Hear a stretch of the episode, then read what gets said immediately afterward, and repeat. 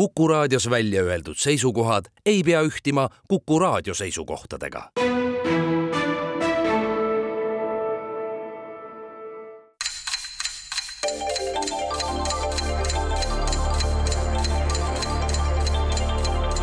tarkade klubi targemaid küsijaid toetab lisateadmistega Postimehe raamatukirjastus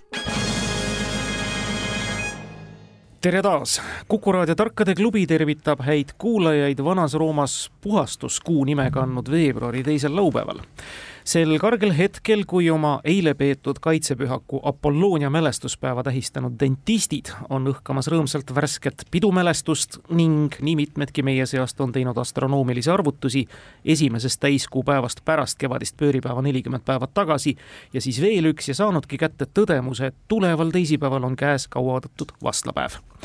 Tõsi, kärsitumad ja kasumile orienteeritud pagarid pole lasknud sellest tühiasjast ennast häirida ja juba jõulude ajal mandariinide vahele surunud kõike seda magusat, mis muidu pika liu ja vesise nina juurde kuulub kasumile ja uskumustele orienteeritud teatud kultuurtaimede kasvatajad aga rehkendavad kodulähedaste libedate küngaste juures juba ette tuleva suvist kasumit, mida saagikuse eest nõutada ja seda ehk suurendadagi, kui juhtub olema vahendeid pikama liu tagamiseks pragmaatilise meelega humanitaarid ja reaalid, vähemasti väiksem osa neist on aga taas õdusasti istet võtnud Tarkade klubi stuudiotes, et juba mainitud pingutustele lisada enda oma. ehk siis varuda kannatust ja teadmisi kümneks ette seatud küsimuseks ja ladusate oraatorivõimetega neile elegantseid vastuseid anda. hea meel on Tallinna stuudios tervitada ajalehe Postimehe selgeid päid ja lubedaid suid kultuuritoimetuse ajakirjanikku Tuuli Põhjakat. tere! ja teadustehnoloogia toimetuse juhti Marek Strandbergi tervist! Tartu stuudios aga kultuurierudiiti ja säravat loojat Andres Keili. tere päevast! ja viljakat süsinikusidujat ja jahimeest Erkki Püssat. tere! suur tänu, et olete meiega. tänase saate kümme küsimust on teie ees järgmiste teemadena. Slava Ukraini, kultuur, ühiskond loodus ja vaaria.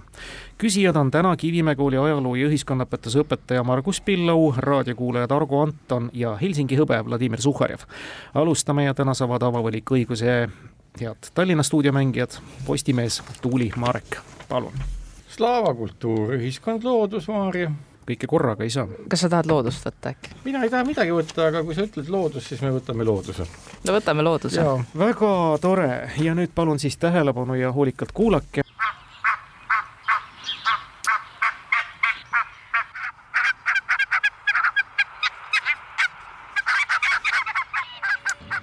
Nii tore, et me oleme jätkuvalt linnuküsimusi, saame teile endiselt serveerida. kuulsite häälitsemas lindu, kelle nimetus ühe Tallinna ehitustehnikumi ehk praeguse Tallinna Tehnikakõrgkooli kuulsaima vilistlase eesnimega kattub täpsemalt on tegemist linnuperekonnaga partlaste sugukonnast, kelle ühe liigi esindaja siis nüüd meie juures ja meie kuuldes üles astus. Ladina keeles branta ja kuuldud liig Branta leukopsis on Eestis vastava perekonna hulgast kõige tavalisem, kuid siiski läbirändaja, mitte pesitseja. nimetage see tiivuline või vihjatud väärika inimese eesnimi. vaat kui huvitav ma võin veel lindu lasta. no ma sain aru, et see on part, ma mõtlesin, et on lihtne küsimus, part, aga, aga kui ta on pardiline, siis ma oletan, ma ei ole biolo-, bioloogias ka väga tugev, et ta võiks olla ju veelind siis ja ta on veelind, kõik pardilised on veelinnud, üldiselt neil on lestad ja nokk, millega nad. aga mis veelinde me teame, aul? eesnimi, ma just mõtlen, Tehnikakõrgkooli vilistlane. jah, tõka-tõka. tõka-tõka vilistlane, no see on vist lihtsam selles mõttes, et nagu ma ei suuda, ei, ma ei tea, mis pardiline olla võiks. Rääksuv hääl, aga nimi. me räägime eesnimest mm. -hmm. ma tean ainult ühte veelindu, mis ühtlasi võiks eesnimi olla ja see on aul. aul. mul ei tule ükski muu. aul on selline pardilaadne jah, aga kas aul on eesnimi ka või? miks ta ei või olla? ta võib olla küll. noh, me teame teist auli, kes on Johannes, seal oli ta perekonnanimi, aul aga kes see on tuntud vilistlane? Tehnikakõrgkooli tuntud vilistlane Aul ja tema perekonnanimi on, ei tea, aga sul võib õigus olla. ma mõtlen, kes see veel võib olla. Kaur on ka lind on. aga äkki ongi kaur? äkki on. kaurid, kaur on lind, siis on kaur. ei ole kaur, ehkki ei välista, et tõka-tõka vilistlaste hulgas kindlasti tublisid kaure leidub. aga kaur meile seda häält ei teinud. head tartlased, teie hulgas on ka üks tubli metsamees. see tubli metsamees kirjutas kaur sinna ja ma noogutasin, noogutasin väga entusiastlikult peaga. aga, aga, aga partlane. Aga kaur vist on partlane ikkagi, kes ta ikka muud on? vesilind no, veelind on ta kindlasti. jaa, vees ta elab ju. nii, aga oh. sänikael. vaeras. metsak. ma arvan, et meesterahva eesnimi on ühtlasi part. Donald olin selles kauris nii kindel, et nüüd on. nüüd on hambad. täiesti. aga, aga proovime lahti rebida ennast siis äh,, äh, rebime lahti ennast neist kütkeist, mis hoiavad meid maa peal ja läheme vette. aul, alk, alk, mis linnud meil veel on, haigur. Pole kahjuks partlane mm. -hmm. ja ka ei kõlba esimeks. aga kas luiged on partlased või? jah, aga, aga. luik. eesnimena. Ja vabalt, no ei no mis, no mis iganes võib. ei, tähendab see läbirändaja. Lisaks Donaldile olid ju koomiksis ka Tupsik, Lupsik ja Nupsik. vot, vot, vot, vot, vot siit hakkab tulema. tuntud. ei, aga mulle tegelikult see tehnikakõrgkooli vilistlased, see on. Nihv, nihv, nahv, nahv ja nuhv, nuhv olid kindlasti tehnikakõrgkoolis käisid. ei, aga, aga miks, miks see luik sulle ei meeldi, sest luik, ta ju ei pesitse siin või pesitseb no,? ei pesitse. ikka pesitseb, pesitseb küll. ah, okay. ja neid on ka mitut sorti. on, no kühm, kühmnokk äh, vaaderpass. väga ilus eesti nimi. ma arvan, et äh, pärast seda saadet kindlasti mõni nutikas paneb oma lapsele sellise. no kõnele, kõnele, Erki me.... No, kui on kinni kiilunud, siis on kinni kiilunud. no jaa, aga kangutame lahti, mis meil muud üle jääb. veelinnud ähm,, mis see Islandi rahvuslind meil on, see imeliku nokaga partlane? Need ongi algid. Need ongi algid jah ja., okei okay.. siis on meil mingisugused sellised imelikud asjad nagu tuttpütid näiteks ja kas sealkandis, sealtkandist vaadates kuskilt me ei leia midagi või? ma mõtlen näiteks Marani loodusfilmide peale, tal on ju mitu veelindude filmi või üks vähemalt äkki sul sealt tuleb midagi, sest, sest noh, ilmselgelt see on nagu, no üks vist oligi tuttpütt. üks oli tuttpütt jah, kust ma muidu tast teaks midagi. kui hakkad pingutama, siis ei tule mitte midagi. Ei no midagi peab tulema noh. noh, jätame selle sinu pakutud luige reservi, aga see ei ole kindlasti õige. ei no ja kui tuttpütt, aga mingid muud pütid olid, on ka või? jah, aga see ei kõlba esimaks. mine tea, noh, meil on ju näiteks Tuule on meil eesnimi, eks ole, Tui on eesnimi. jaa. no sul üldse nagu kuskilt midagi no, ei liigu või? kinni, mis kinni. no aga siis ütleme luik ja lähme eluga edasi luik eluga edasi, kahjuks küll nulliga. jah, tõesti kahju, et kinni kiilus, ma lihtsalt õiendan selle kauri kuuluvuse ära, partlastega tegemist ei ole, kaur on kauriliste seltsi kaurlaste sugukonda kuuluv. ongi, aga vees ja lestadega siiski. jaa, tõsi, ja sellise terava nokaga. see, keda kohta me küsime ja kes meile häält tegi, oli Lagle. me kuulsime siis valgepõsk Lagle häält vihjatud isik Lagle Parek. sellest Tallinna Tehnikakõrgkoolist sai omamoodi selline dissidentide pesa omal ajal. Lagle, jah. ja, ja see on nüüd klassikaline, lugupeetud raadiokuulajad, kes te ei tegele igapäevaselt mälumänguga, see on klassikaline koht, kus te kuulsite klassikalist mälumängu kinnikiilumist. nii, aga lähme proovime nüüd ennast lahti kiilutada järgmise teemavalikuga kõigepealt. võtke ka loodus, see on hea ju. mis sa otsustad, mina ei ütle midagi. loodus siis loodus. ja Horvaatia lipp ja sellel asuv vapp on maailma üks imetajate kujutiste rohkemaid riiklikke sümboleid üldse see tuleneb suuresti asjaolust, et see kirev vapp on kokku pandud viie Horvaatia ajaloolise piirkonna vapist ja selle idee peale tuli vapi kujundaja, tuntud Horvaatia avangardkunstnik Miroslav Šutej. kokku on vapil esindatud kolm erinevat imetajat, aga küsime neist ühte, kes on pärit Slavoonia ajalooliselt vapilt ja mänginud olulist rolli ka Horvaatia rahvuslikus monetaarias. mis raha meil on? Horvaatias oli kuuna ja, ja minu mäletamist mööda, kas äkki ei olnud tegemist nugisega? õige, see on metsnugis ehk nugis Horvaatia rahaühik Kuna, kunagine rahaühik Kuna tähendaski tõlkes nugist, kelle nahk oli siis sajandid tagasi, enne kui raha kui selline üldse tekkis, käibel makseühikuna. täna on Horvaatia eurotsooni riik ja me saame loodusega ikkagi kännu tagant minema. üks-null Tartu läheb ette, Marek ja Tuuli valivad. Ma näen, et sul on vaaria juba. ja mul on juba sujuvalt, ma võin, aga sa võid nimetada mida iganes, et võib-olla, kuidas sa kultuuris ennast tunned ja minu me poolest tegime risti sinna. Vaaria juurde ära, nii et siis võtame Vaaria. siis võtame Vaaria, kui te juba tegite risti ära, et vahet ju ei ole. ja Vaaria küsimus sealt kuulajalt Argo Antonilt. millist argist ja teatud tingimustel vajalikku eset nimetatakse Dewari anumaks?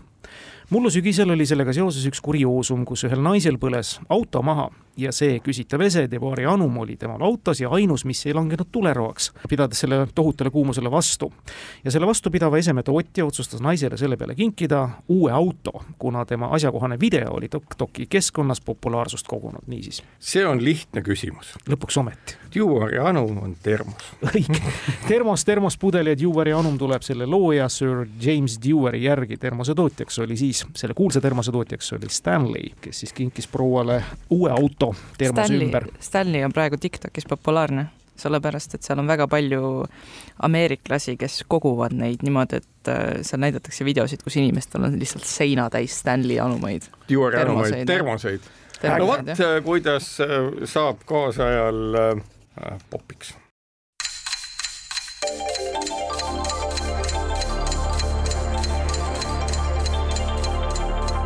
tarkade klubi targemaid küsijaid toetab lisateadmistega Postimehe raamatukirjastus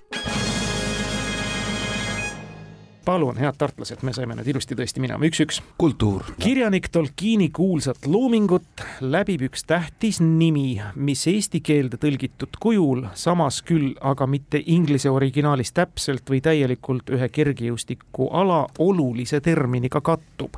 milline nimi või termin? Antud ala valitsevad olümpiavõitjad ehk Tokyo kuldmedalistid on meestest Emmanuel Guerrer ja naistest I Think Mu, valitsevad maailmameistrid mullusest Budapestist, aga vastavalt Marko Arop ja Mary Moraa. nemad on meil jooksjad ja minu arust on nemad meil kolme tuhande meetri takistusjooksjad äkki see või on tegelane, kaheksasaja meetri jooksjad, oot, kui äkki see tegelane on siis Haljas Legolas, nii miks? See on midagi, see seostub kerge jooksmise hüppamisega. kuidas see oli kergejõustiku termin või? ja kergejõustiku termin nii, loen uuesti selle küsimuse alguse ette Jah.. Tolkieni kuulsat loomingut läbib üks tähtis nimi, mis eesti keelde tõlgitud kujul, samas aga mitte inglise originaalis täpselt või täielikult ühe kergejõustikuala olulise terminiga kattub. ala oluline termin ja need äh, olümpiavõitjad ja maailmameistrid Emmanuel on, Guerrer, Ethan Mu maailmameistrid on siis Marko Arop ja Mary Moraa. see peaks olema siis Keenia, Etioopia, Kanada ja seda neljanda rahvust ma ei oska öelda. jooksevad nad kindlasti staadionil, Marko Arop kindlasti jookseb, ta on hästi niisugune suurekasvuline turske kanadalane. pigem ei ütleks, et nad on kolme tuhande meetri takistusjooksjad, kolme tuhande meetri takistusjooksu peale hakkasime mõtlema sellepärast, et see on nagu nii spetsiifiline ala, eks ole, kergejõustiku sees, sest erinevad jooksu, muud jooksudistantsid on erinevad distsipliinid, noh, poolmailerid, mailerid, veerandmailerid, aga mulle miskipärast tundub, et nad sibavad seal staadionil, vähemalt Marko Orop sida-, sibab ilma tõketeta või takistusteta. Mailer, küsitakse ju kergejõustiku ala, see on siis noh, jooksmine. see on jooksmine, jah. jooksuterminid. finiširuudustik, viimase ringi kell või noh, noh lihtsalt nagu mõtleme, et noh, et noh, mis meil jooksurada, jooksurada, tartaan, siis on noh, noh jah, mis asja täna veel, meil on see noh, elektrooniline maailmarekord, eks ole, või noh, elektrooniline jänes, jänes. Ja vot minul on Tolkieniga kehvasti, tuleb tunnistada, nii Tolkieni kui Tove Janssoniga, need on kaks asja, kus mul on halvasti. lugenud olen, aga, aga, aga jooksutermin, ütle veel jooksuterminid, sport on sinu rida. takistus, veetakistus, water splash, splash, water tõke, hurdle, hurdle tõke, mitte täpselt tõlgituna eesti keelde, naelik, nagli, need konkreetsed jooksjad on, on mingisuguse noh, konkreetse sellise staadioni jooksuala, mis ei ole sprintjooksjad, neljasajast meetrist pikem ja minu arust ikkagi tuhandest nagu, kas mitte viimas, ma võin nüüd sassi ajada, aga kas mitte viimasel olümpial Mo Farah ei võitnud mõlemat pikka. Need on ju nagu kirjuid koeriga, neid pikamäe jooksjaid, kes seda kolme või kahtekümmet seitset minutit seal ikka jõuab vaadata, kuidas nad liduvad, eks. aga ma kahtlustan, et see on kaheksasada või tuhat viissada. Ja kaheksasajal ja, ja tuhande viiesajal on eesti keeles äh, eraldi nagu eesti keelde tõlgitud terminid on poolmailer ja mailer ehk siis nagu poole miilijooksja ja miilijooksja, eks ole. no jaa, aga, aga jooksuterminit. ei no aga mailer ongi see jooksutermin. aga mina ei tea, mina pakuks tegelikult jänes. ei no jaa, aga, aga, aga noh no aga räbit, no mitte täpselt, eks ole, tead, ma võtan nüüd, võtan vastutuse enda peale ja mis see oli meil kultuuritermin, ah no kultu-, kultuuri küsimus oli. kultuuri küsimus. üle pea üldse või? sest ma, ma ei oska seda jänest, noh, räbit, noh no, aga sa väitsid, et sa Tolkienist ei tea midagi. ei, ma ja, ja, ei ma jah, aga, aga no ma, ma mõtlen selle tõlke peale või noh, selle küsimuse sõnastuse peale ja lõppkokkuvõttes äh, meil on ikkagi mäng äh, ainult au ja kuulsuse Kuule, maine ja mitte mõisa peale. see on äkki keskmaa, selline asi on küll Tolkienis olemas. on nagu ja aga tegelane. mitte tegelane jälle jah. keskmaa on olemas küll jah, no keskmaa jooksjad nad on, Mailerid keskmaa jooksjad. pakume siis keskmaa. jah. Keil pärast mängu mine tee püssale välja, see on õige vastus, keskmaa, Tolkienil tõlgitud Mis? küll või otse originaalis Middle Earth, keskmaa, keskmaa jooks, seda pidasime silmas. Inglise keelde tõlgituna küll Middle Distance, aga Tolkienil oli ta siis Middle Earth, aga me tõlgime ikkagi ühtemoodi, keskmaa, suurepärane, kaks-üks. Ja te võtate selle ära. Pika pingutuse peale, kõik need jänesed ja mailerid. Mailer oli juba päris lähedal. Marek ja Tuuli, teie valik. Oh hing ihkab jälle kultuuri, ma saan aru. no võtame, võtame kultuuri, kultuuri, jah. Vladimir Suhharev küsib kaheksateistkümnenda sajandi lõpus juhtus Pariisis üks tragikoomiline lugu. ühe Prantsusmaa arsti koju tungis varas, kes võttis kaasa mitmeid enda meelest hinnalisi suletud karpe ja kaste asunud varastatud kraami hiljem oma pelgupaigas revideerima, tabas varastaga õud kõik kaasa võetud kastid, karbid olid täis inimeste jäsemeid.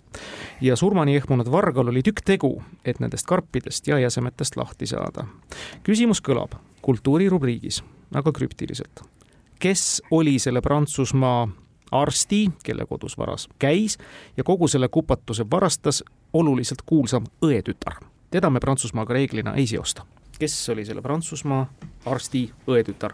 kaheksateistkümnenda sajandi lõpp no see arst ilmselt siis ei olnud väga kuulus või? ei, tal oli väga kuulus õetütar. tal oli väga kuulus õetütar. kas õde oli ka kuulus selle kohta küsimuses selle küsimuses ei ole midagi, et ju ta, ju ta oli kuulus, ta oli kuulsa, kuulsa naise ema. traditsiooniliselt Prantsusmaaga ei seosta, äkki see oli mingi kirjanik?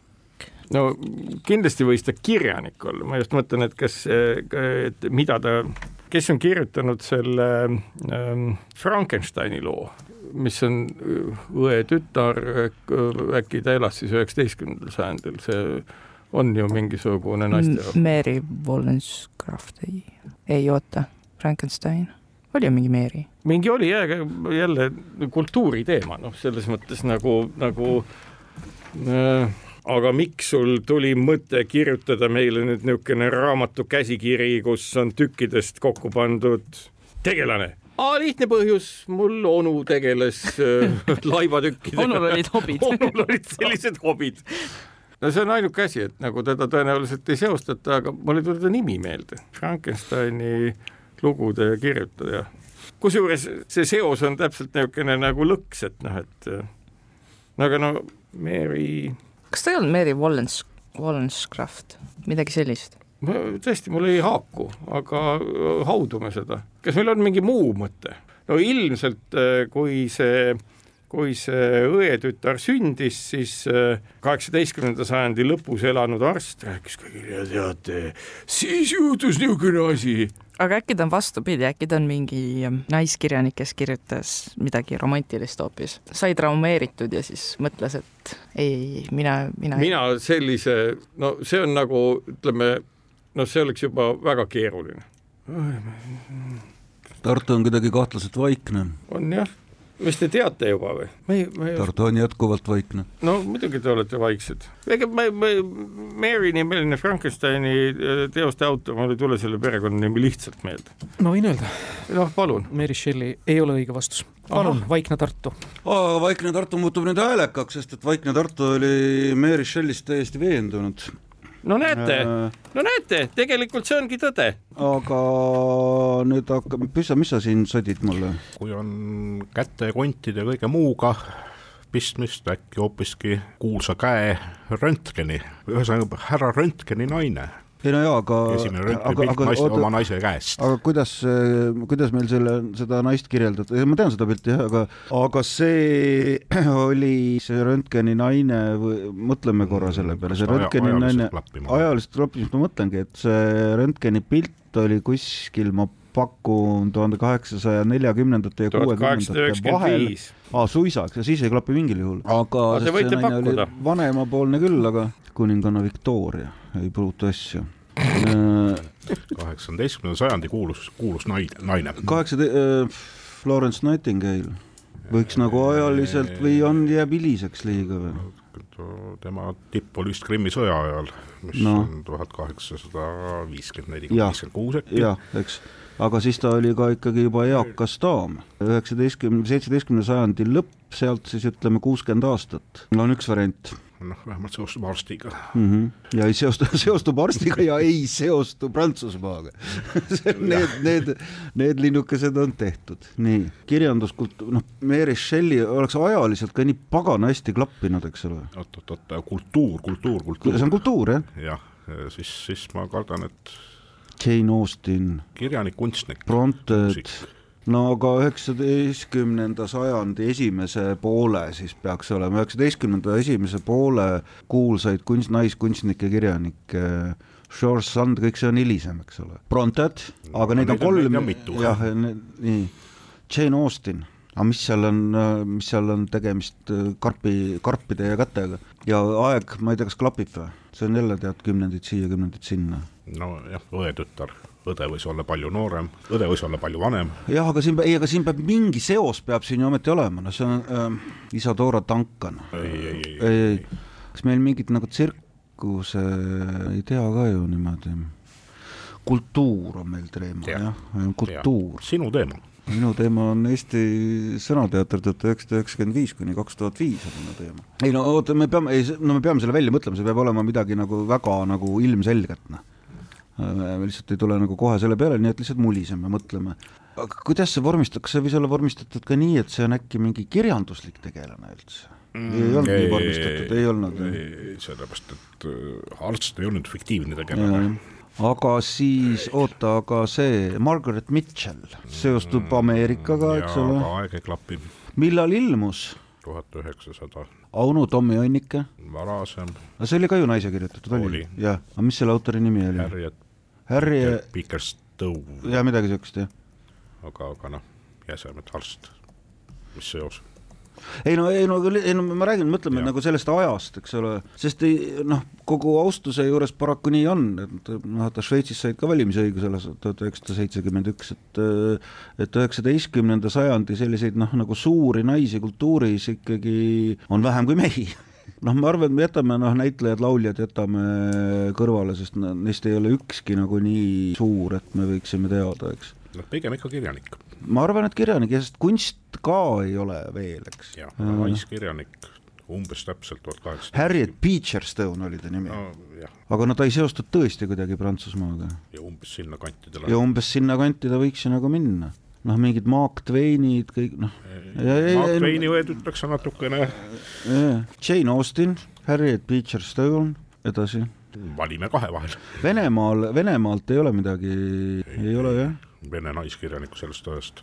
ei aga mul see Jane Austen ausalt öeldes noh, noh, see ongi ainuke nagu seos ongi see, eks ole, mida Tuuli siin ütles, et noh, et, et hästi vastupidi, hästi romantiline, eks ole, et noh, niisugune nagu äraspidine seos, aga see tundub nagu nii otsitud, samamoodi see, see, no see Harriet Beecher on ka nagu otsitud. mõt-, no mõtleme korra veel kirjanduse peale, inglise kirjandus, Ameerika kirjandus ja muu kirjandus, see ka saksa no kust? ei ühtegi, noh, saksa naisautorit sellest ajast. ei no mis me jahume siin, noh ütleme selle Harriet Beecher Stone'i ära ja nii on. ei ole see kahjuks õige vastus, õiget nime ei kõlanud ka mitte kuskilt. ja see ehmunud varas ehmus tõesti nähtu peale ja ta ei julgenud mitte midagi puutuda, oleks puutunud, oleks asjast aru saanud. see isik on Anne-Marie Tussaud. Need jäsemed olid tehtud kõik vahast ja tõepoolest, see juhtus veel sel ajal, kui küsimus. Väga hea Düsseldorf küsimus. polnud veel läinud Inglismaale, aga siis läks muidu kõigi teiste karpidega ja siis pani püsti oma kuulsa vahakuju muuseumi. kaks-üks, me oleme poole mängu peal, nii et Tartu on ees ja nüüd on ka vist nii, et Tartu valib ja kultuur on nüüd ka maas. seega siis Vaariat, Ukrainat väga hea. ja ühiskonda. Oh Erki, ütle sina. aga proovime Vaaria. meie kord proovime Vaariat. Vaariat ja teine Vaaria küsimus teile kõlab. Vana-Kreekas korraldati näiteks Ateena polises niisuguste jumaluste või mütoloogiliste tegelaste kui Hephaistos ja Prometheus auks pidustusi, mida lampadodroomiateks kutsuti. selle põhiline ning keskne element kujutas endast midagi, mida nii siis kui tänapäevalt muuhulgas spordiga saab seostada, tollal aga pigem rituaalse väljundiga, mille kohta me küsime. meie läheneval iseseisvuspäeval on teada tahetav veidi varieeruval kujul samuti juba mõnda aega tähistamise traditsiooni osaks kujunenud, ka selle äramainimine läheks muidugi õige vastusena arvesse. tõrvik, ma arvan, mis see muidugi Tõrvi-, välk vastus, see on tõrvikujooks või tõrvikurongkäik, kuidas aga soovite, tõepoolest ka suuresti tänu ühe erakonna ja tema mõttekaaslaste eestvõtmisele ka vabariigi aastapäeviti tähistatava sellisel kujul. nõnda teenib Tartu siis kolmanda punkti, Tallinnal on võimalus kindlasti veel järele võtta, kui ühiskonda Ukrainat on meil jäänud, kumba siis, Tuuli Marek? võtame ühiskonna. ühiskonda ikka jah, sellest me ju teame kõike, eks ole, ja kunagine siseminister ja Tallinna linnapea, eelkõige aga Hansapanga tegevjuhina ajalukku läinud Jüri Mõis, töötas nooruses kelnerina ning veel hiljemgi ta seda ametit kindlasti ei häbenenud, vaid on ka igasuguses juhtivas töös teenindaja mentaliteedi kui ühe edu olulise võtmetähtsust rõhutanud. kes praeguse aja aktiivsete poliitikute hulgast aga oma kirevaks kujunenud haridusteel on muuhulgas ka Tallinna Teeninduskoolis kelneriks õppinud. küsitava, nüüdseks suletud Albu põhikooli vilistlase kohta anname vihjeks veel ka sellised sõnad nagu identiteet ja romantika. aktiivne tegevpoliitik Albu põhikooli vilistlane õppinud muuhulgas ka kelneriks. neid on väga palju. mis identiteet ja romantika? on sellised märksõnad jah? Identiteet ja romantika. kelner, see on mees järelikult või ei ole? romantika, no ei tea, tegevpoliitik Albu põhikoolist. Kus Albu asub? Albu asub äh, Tallinna lähedal, kõik asjad asuvad Tallinna lähedal Eestis, hea küll, hea küll. kolmesaja kilomeetri raadiuses Tallinnast umbes. Albu asub Võrumaal jah, vist üldiselt. Albu mõis on siin kuskil, aga põhikool, noh, ega ta siis, kes see võib olla selline tubli inimene, kes on õppinud ka kelneriks ja on romantiline ja identiteeti pooldav ma. aitan teid, romantika suure algustähega. romantika suure algustähega. naljakas on see, et ma kirjutasin selle paberile suure algustähega, kuigi mul ei olnud selleks mingisugust põhjust. ja vot see on telepaatia, see on juba telepaatia, romantika, kas see on mingi laev või tegevpoliitika, identiteet ja romantika, kes on õppinud ega me ei tea ju noh, tegevpoliitikat, noh näiteks romantika suure tähega, see on paat, eks ole, piltlikult öeldes, mis ta muu on, meil mingeid muid asju ei ole, soomusronge ei ole nimega romantika, mingit kuulsat bussi ei ole, laev, laevromantika on vist olemas või? on sul mingi mälupilt? no mis ta muu on, laev, et mõtleme, et kelle, kelle on mingid poliitikud, kelle, kelle äkki Madisson, õige, Jaak Madisson, Jaak Madisson. kuulub Euroopa Parlamendis fraktsiooni, mis kannab nime muide Identiteet ja demokraatia. vot, vot, vot, vot, vot Ja- ei, mulle meenus ta lihtsalt selle tõttu, et tal oli mingisugune kaasus seotult mobiiltelefoni ja neidistega laeval Romantika. ka seda, ta oli seal infotöötaja. nojah, ega, ega Mm, nii see oleks ongi olnud. siis teine vihje, väga hästi tõmbate ennast järele, kaks-kolm. on, jah, hästi tunneme ka praegu ennast. tunnete, Albu, Albu asub Järvamaal Tammsaare mail. Järvamaal, ja õigus ja, ja, ja Järvamaal, see, see on seal Aga- Aga... Harju ja selle piiril, suhteline lähedus Tallinnaga ja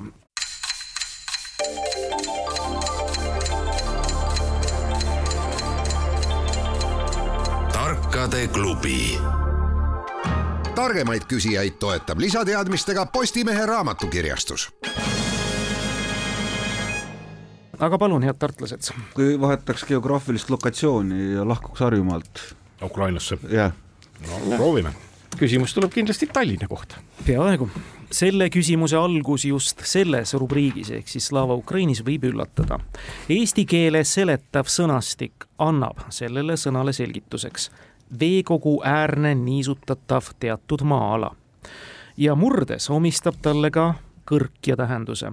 Aga põhjus, miks me seda sõna siin teemas otsime, seisneb asjaolus, et ukraina keeleski on see sõna pea identselt olemas ja tähistab täpselt sama, mida eesti keeles.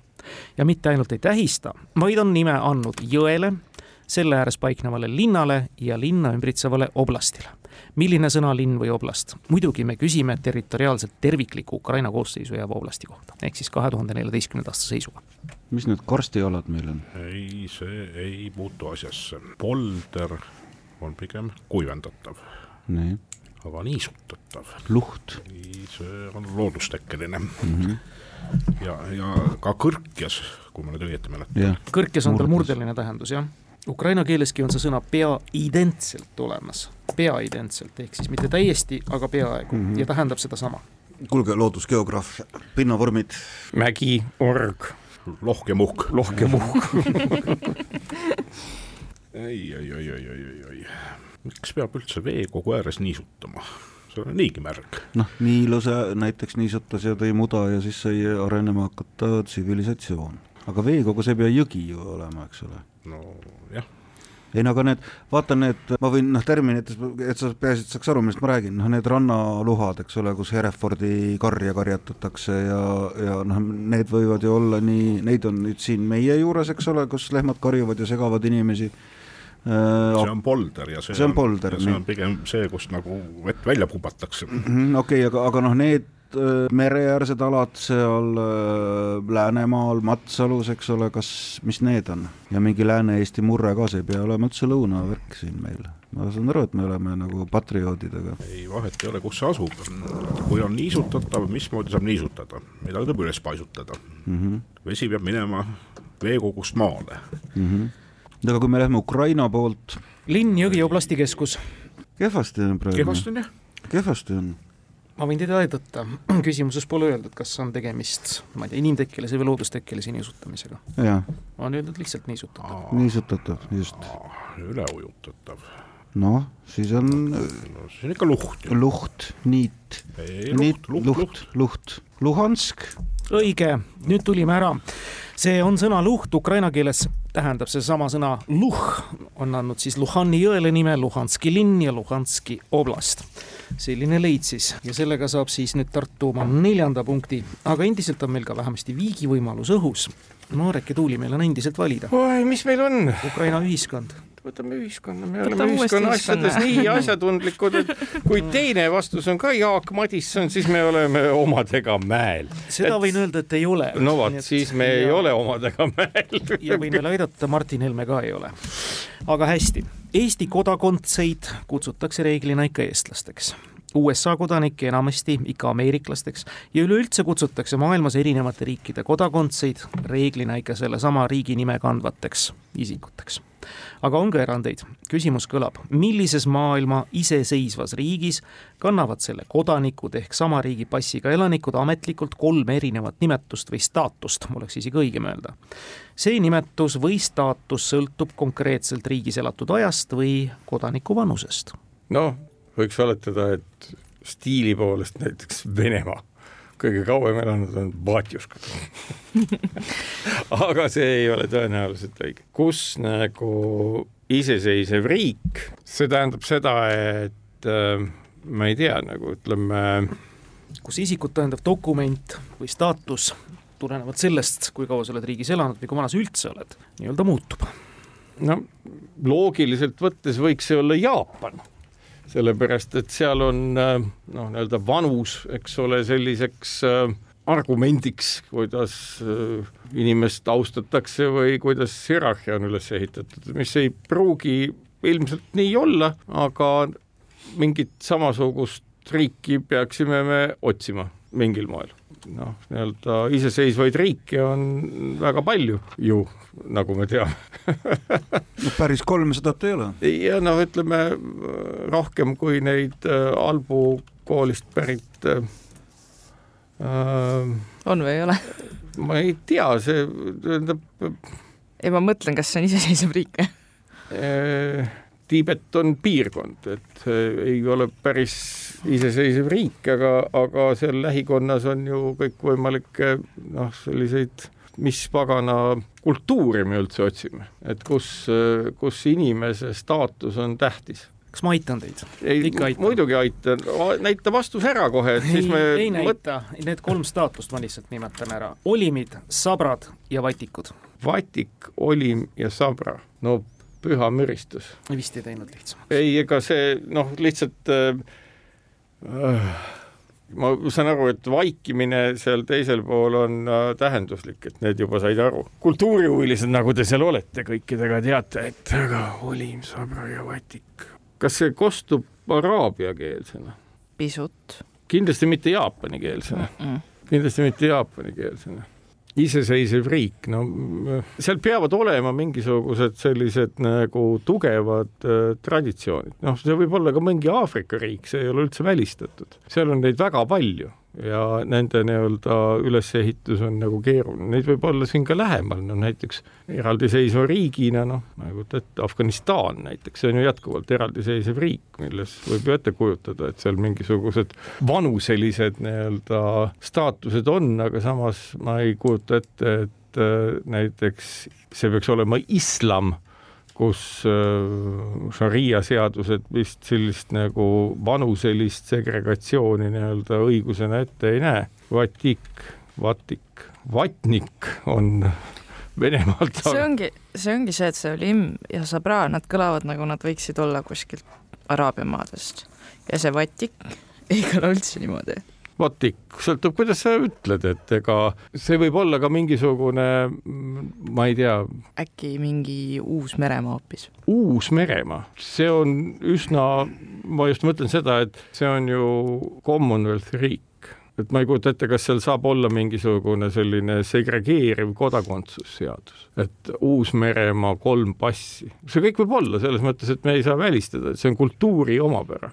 pigem ma kujut-, see on kusagil mingi mingi koht, kus on sellised äh, tõsised initsatsiooniprotseduurid ühiskonnas, ma ma just mõtlen, äkki, äkki see ongi nagu väga traditsiooniline, et need võivadki olla mingid maoorid või inuitid või mingid sellised rahvad.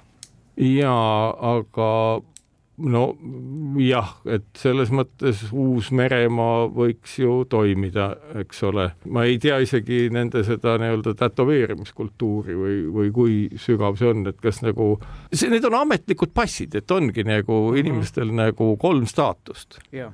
India, ei, seal ei, need on ikkagi formaalselt ikkagi ju sellised täitsa tsiviilriigid, et ma ei kujuta ette, et kuigi ega ma ei ole ühegi uusmeremaalase passi näinud, võib-olla seal ongi suur tempel peal, Vatik.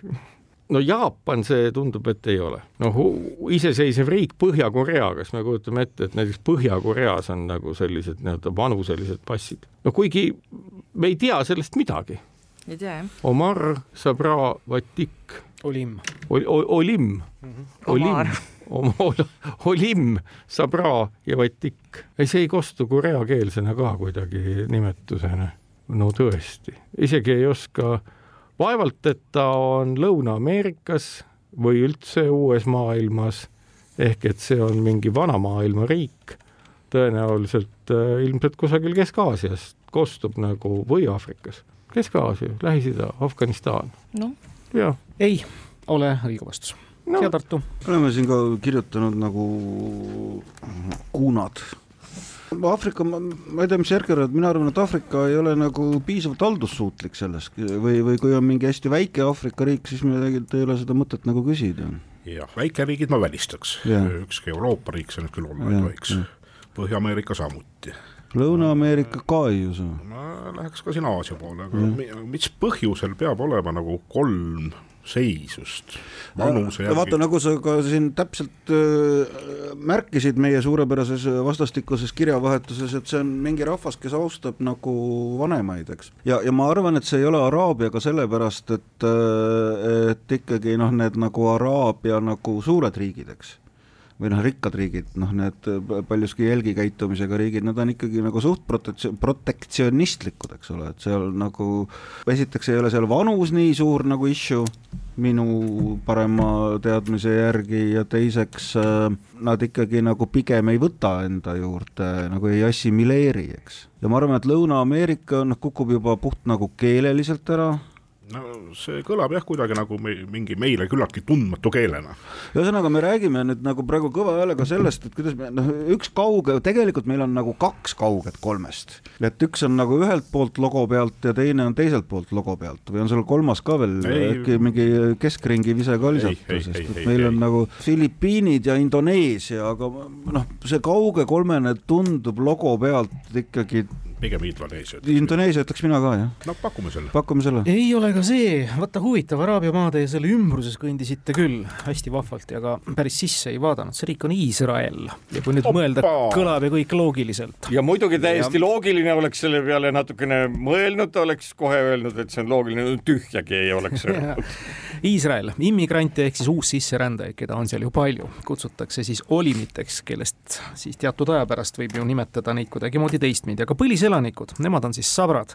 ja siis on veel tõesti seeniorid, nende mõistes siis nagu, või meie mõistes siis nagu pensionärid, seenioridest Iisraeli kodanikud, kes saavad selleks ka täiesti eraldi nii-öelda vastava staatuse kaardi, piltlikult öeldes pensionitunnistuse või pensioni isikutunnistuse, neid kutsutakse siis vatikuteks. neli-kaks Tartu poolt vaadatuna, ehk siis võit on juba taas kord saavutatud, aga me ikkagi viimase küsimuse menetleme ka ilusti ära ja Tartu saab seda esimesena kuulda. see on Slava Ukraini teemadel ja saame kuulda, et Euroopa suurimad odrapõllud asuvad Ukraina idaosas Khmelnõtski oblastis. seal paikneb ka Euroopa suurim linnaste ehk idandatud terade tootmise rajatis tehas, kuhu linnased suunduvad, paikneb aga Kiievis ning on samuti Euroopa omataolistest suurim. kõik nimetatud kinnisvara kuulub ühele tuntud ettevõttele, kelle kaubamärgid pole võõrad ka Eesti tarbijale mis ettevõte? Obo, Obolon. õige, Ukraina suurim õlle ja muude karastusjookide tootja, vaat Ukrainast oleks võinud täna ju teemade valikuga alustada, viies punkt tuleb siit Tartule. võit kindlustatud, aga väga tublisti on pakkunud Tallinn siin täna ka konkurentsi ja seitse küsimust kümnest on saanud vastatud. ja mängu kokkuvõtteks, mis siis kuulduste arvates parima küsimuse? Madame Tussauds. Äh,. ei, kaks, kaks, Iisrael ka, mina äh, sooviksin öelda kaks, kui on seda, kui mulle lubatakse, siis ma ütleks sa võid öelda, et kaks. jaa, seda enam, et Vladimir Tussauds Iisraelis. see on ka raamatu pealkiri. väga hea raamatu pealkiri, Jane Austen autoriks või Mary Shelley, kuidas soovite. igal juhul. Shelley, Shelley. tänan teid väga, hea Erki ja Andres Tartusse, suur tänu Tuuli ja Marek siia Tallinnasse, ilusat eesseisvat vastlapäeva, uute kuulmisteni hoolega hoitud auhinnad toob kohale Smartpost Itella. lõpetame saate taas kuulajamänguga eelmisel nädalal lõpetas saate küsimus, mis kõlas järgmiselt. Venemaa tsaar Nikolai Esimene võttis üheksateistkümnenda sajandi esimesel poolel tõsiselt käsile oma riigi siseturu kaitsmise ning seadis sisseveetavatele kaupadele kõrged tollid. oma vastavasisulises ukaasis käskis tsaar teha ka teatud konkreetsed tehnilised lahendused, takistamaks importtoodete liiga kergekäelist riiki sissetoomist millised tehnilised lahendused, kõlas küsimus. õige vastus on, et tsaar Nikolai esimese ukaasiga kehtestati Venemaa raudteede laiuseks tuhat viissada kakskümmend millimeetrit, samas kui Euroopas oli ja on selleks jätkuvalt tuhat nelisada kolmkümmend viis millimeetrit. See takistas ja segas olulisel määral kaupade sisse- ja väljavedu Venemaale ja ka Eestile kõige õigesti vastanute vahel naeratas loosiõnn Monika Norakule. palju õnne, teiega võtame ühendust. uus nädala küsimus kõlab järgmiselt. aastail tuhat kakssada viisteist kuni tuhat kakssada seitsekümmend seitse elanud portugallane Pedro Juliau oli ja on siiani ainus oma rahvusest selle ameti pidaja ta on olnud ka ajaloos ainus selle ameti pidaja, kes on vahele jätnud ühe olulise numbri palumegi teil selle krüptilise küsimuse vastuseks anda see Juliao vahele jäetud number. ootame vastuseid nagu ikka e-posti aadressil tarkadeklubi.kuku.ee või tavapostiga aadressil Tartu maantee kaheksakümmend, Tallinn, Kuku raadio, Tarkade klubi. samadel aadressidel on oodatud ka teie küsimused saates mängivatele tarkadele. tänaseks lõpetame. Kuulmiseni.